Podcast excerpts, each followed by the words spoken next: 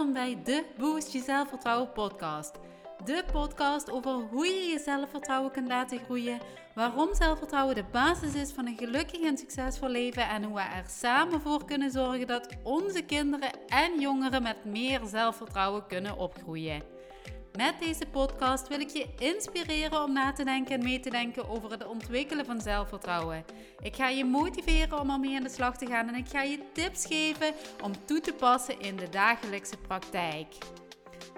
Boost je mindset, vergroot je zelfvertrouwen en ontdek wie jij echt bent.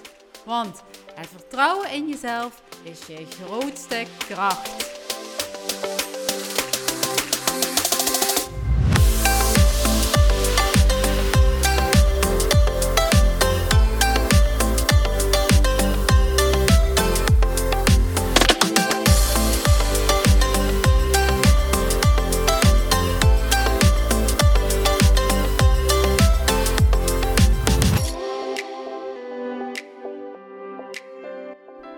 Maandag, tijd voor weer een nieuwe podcast. Super tof dat je weer luistert.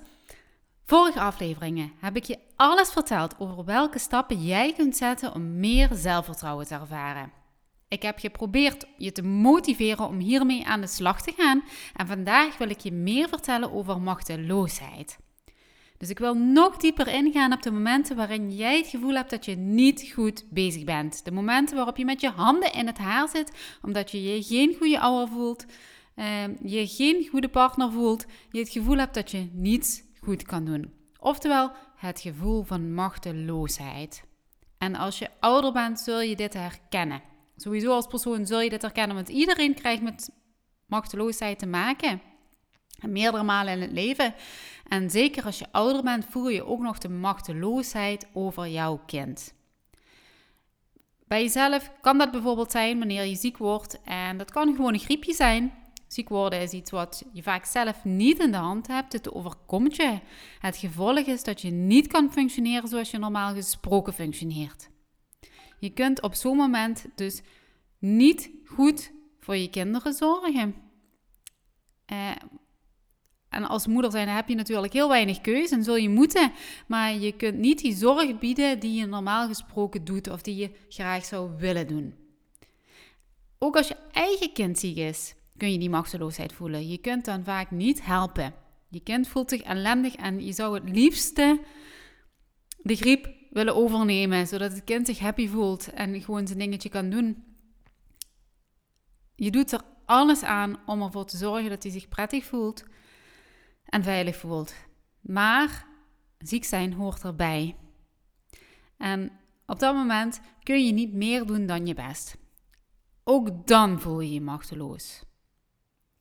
Je voelt je machteloos als je een opdracht op je werk hebt verpest. Je voelt je machteloos wanneer je goed hebt geleerd en toch een slecht cijfer haalt op school. Dus machteloosheid schuilt in de kleinste dingen. Vaak dingen die er gebeuren waar je zelf niets aan kunt doen. Dingen die je niet in de hand hebt. misschien ook wel, maar je hebt een andere keuze gemaakt of het pakt toch anders uit dan verwacht. Dus wanneer je een keuze uitmaakt en het, komt, ehm, het, het, pakt anders uit dan je had verwacht, uh, waardoor je gaat twijfelen, waardoor je je niet helemaal ja, zelfvertrouwd voelt, niet met zelfvertrouwen in staat bent om uh, het probleem op te lossen. En vandaag wil ik het met je hebben over de machteloosheid uh, voor jou als ouder. En als je nog geen kinderen hebt, dan kun je je bijna niet voorstellen hoe dat voelt.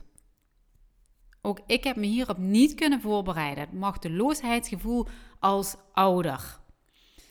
En uh, ik vind dat vaak soms, vaak wanneer me zoiets overkomt, vind ik dat ontzettend moeilijk uh, om te kijken hoe ik hiermee kan omgaan. Als je ouder wordt, weet je direct wat zorgen zijn. Dus zorgen hebben in dit geval te maken met die machteloosheid als het gaat om ouderschap.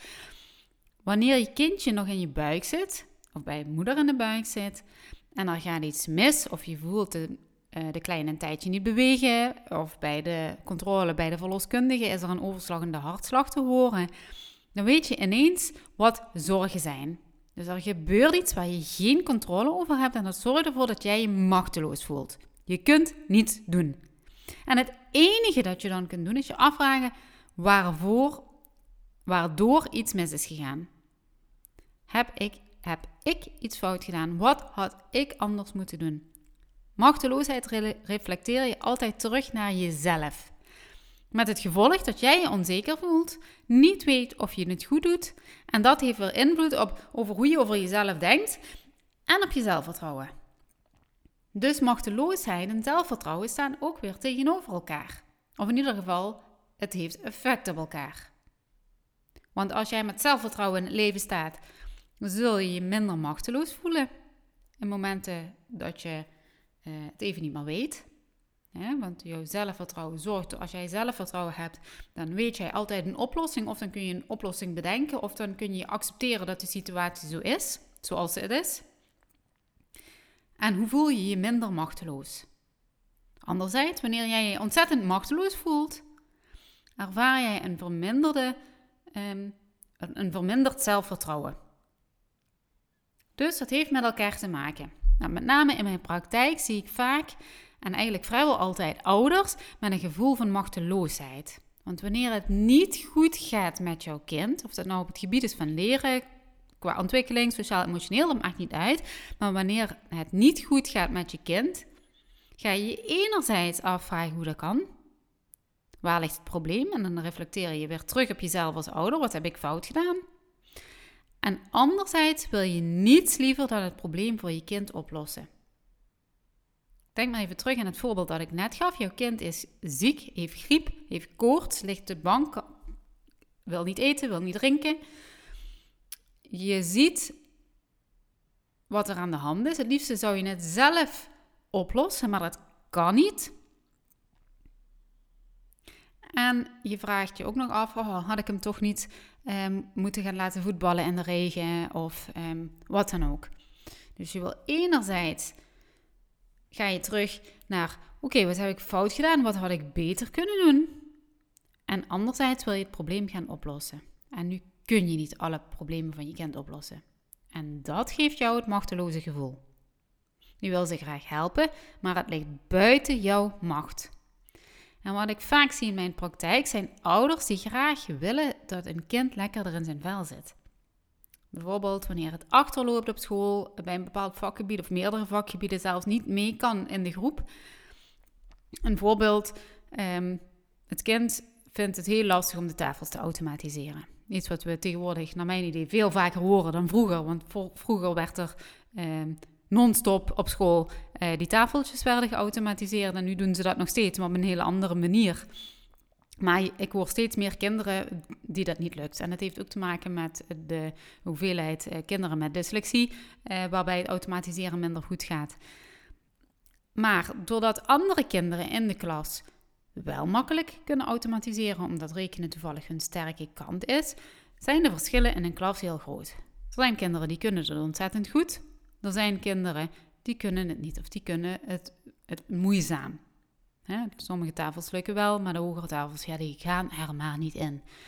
En dat is frustrerend voor zowel een leerkracht, want wat kun je als leerkracht doen? Het enige wat je als leerkracht nog extra kunt doen, is het kind thuis laten oefenen. Kinderen raken gefrustreerd omdat ze steeds weer foutjes maken. Dus het kind krijgt al heel snel het gevoel dat het iets niet kan of zelfs dom is. Zeker wanneer oefening thuis niet de weinig baat heeft. En als ouder voel je je machteloos, want in ons drukke leven, waarin elke ouder ja, verplicht wordt bijna om te gaan werken, is er heel weinig tijd om samen met jouw kind te oefenen. En in die tijd dat jij met je kind hebt, heb je als ouder niet altijd zin om de confrontatie aan te gaan. Heb je als ouder niet altijd zin om maar weer te oefenen? Wil je ook een keer dat spelletje doen met je kind? Of um, het kind met een vriendje laten afspreken? En het zoeken van een externe, en dat is in ieder geval zo in mijn remedial teaching praktijk, um, kan daarbij ondersteunen, kan daarbij helpen.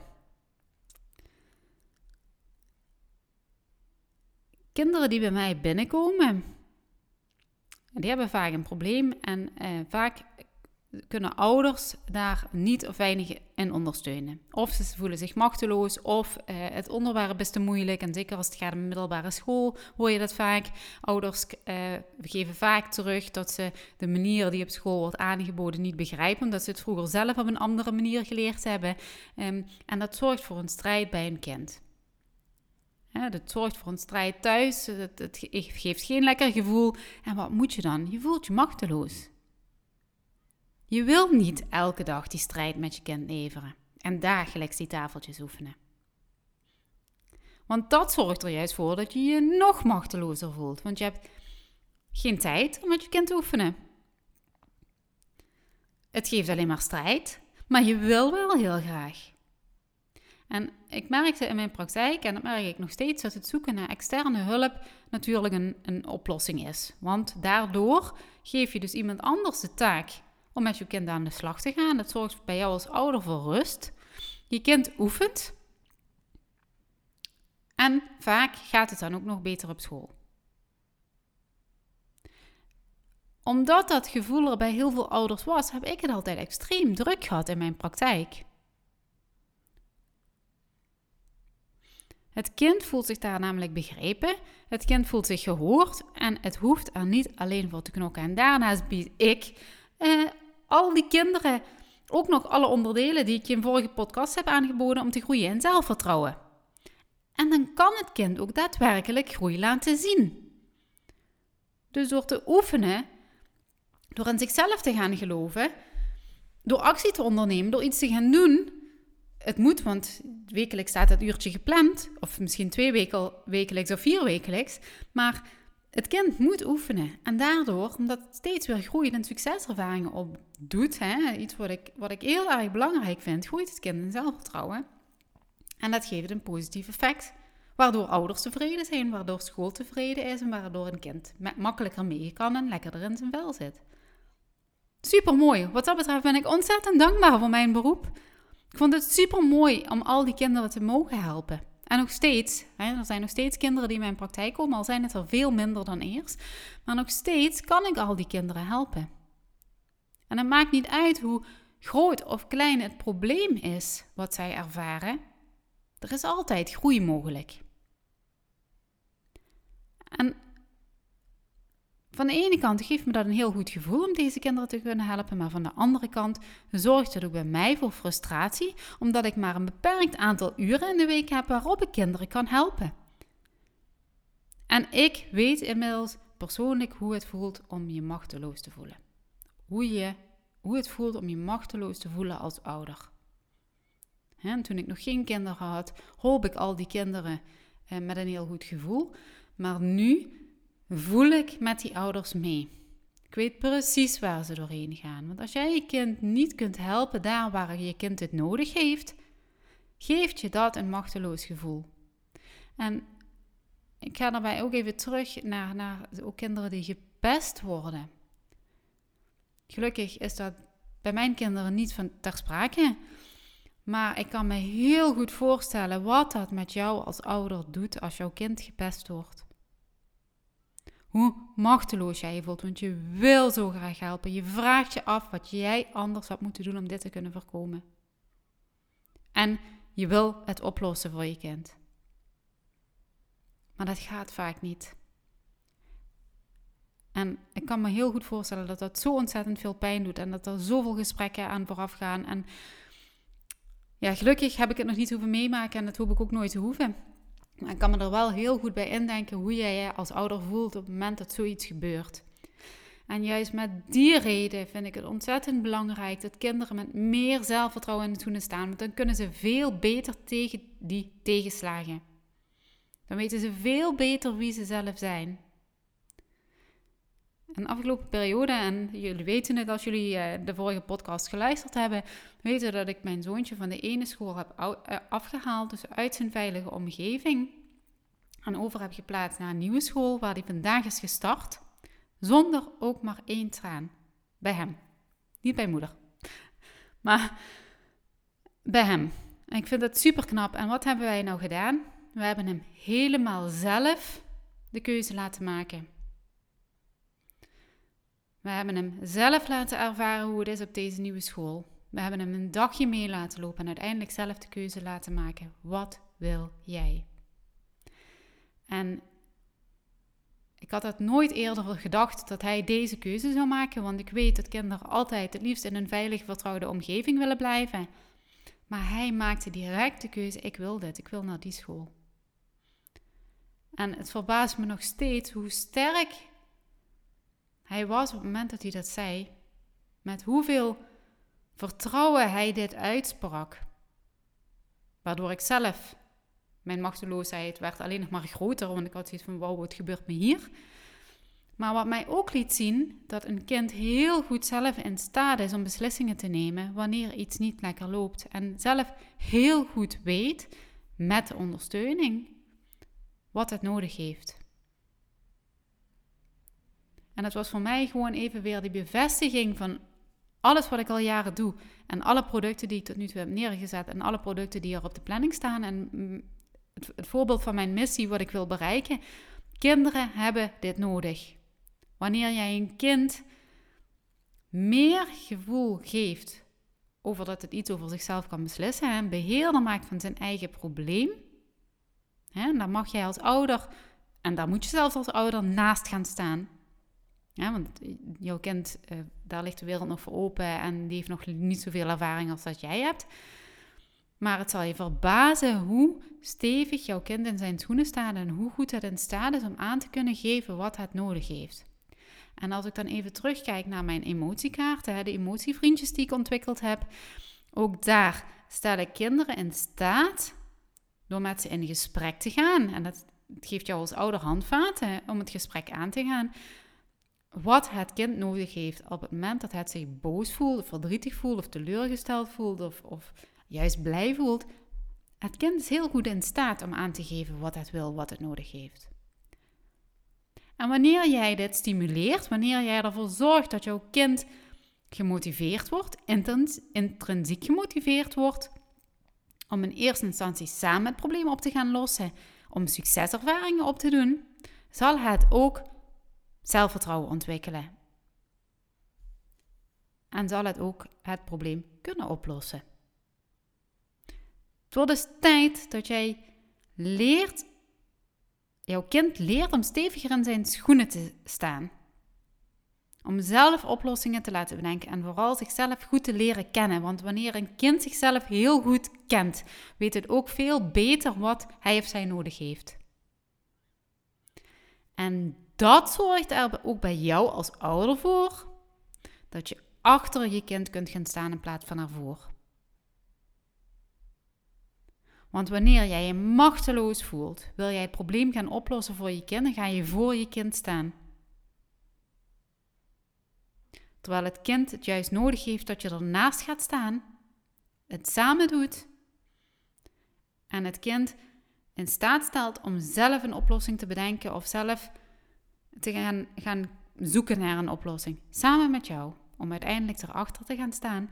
En wanneer jij achter je kind gaat staan en het kind met meer zelfvertrouwen in het leven staat, ervaar jij als ouder minder machteloosheid. Want je weet en je vertrouwt erop dat jouw kind in staat is om in die wereld te gaan staan. Om te weten wat hij nodig heeft en daarnaar te handelen. Machteloosheid maakt je bang. Het wakkert het gevoel van angst aan. En wat heb ik je geleerd? Angst is het tegenovergestelde van zelfvertrouwen. Dus de kracht van zelfvertrouwen zorgt ervoor dat zowel jij als je kind steviger in het leven staat en dat het machteloosheidsgevoel minder sterk aanwezig is en je leven beïnvloedt. Nou, hiermee ga ik voor vandaag afsluiten. Werk dus aan je eigen zelfvertrouwen en geef ook jouw kind de kracht van zelfvertrouwen. Mocht je deze aflevering interessant hebben gevonden, of mocht je iemand weten die er iets aan kan hebben, dan deel deze aflevering gerust. Daarnaast vind ik het super leuk om te weten wie ik help met mijn verhaal. Dus maak een screenshot, tag me op Instagram, in je stories of in je feed. Daarmee inspireer jij anderen om met zelfvertrouwen aan de slag te gaan. Voor alle gratis info die ik met je deel, zou ik het super tof vinden als je ook iets terug zou willen doen. Laat een review achter onder deze podcast. Want hoe meer reviews, hoe meer mensen ik kan bereiken met mijn boodschap en met mijn missie. Zoveel mogelijk kinderen helpen aan meer zelfvertrouwen. Super dankjewel alvast en tot de volgende keer.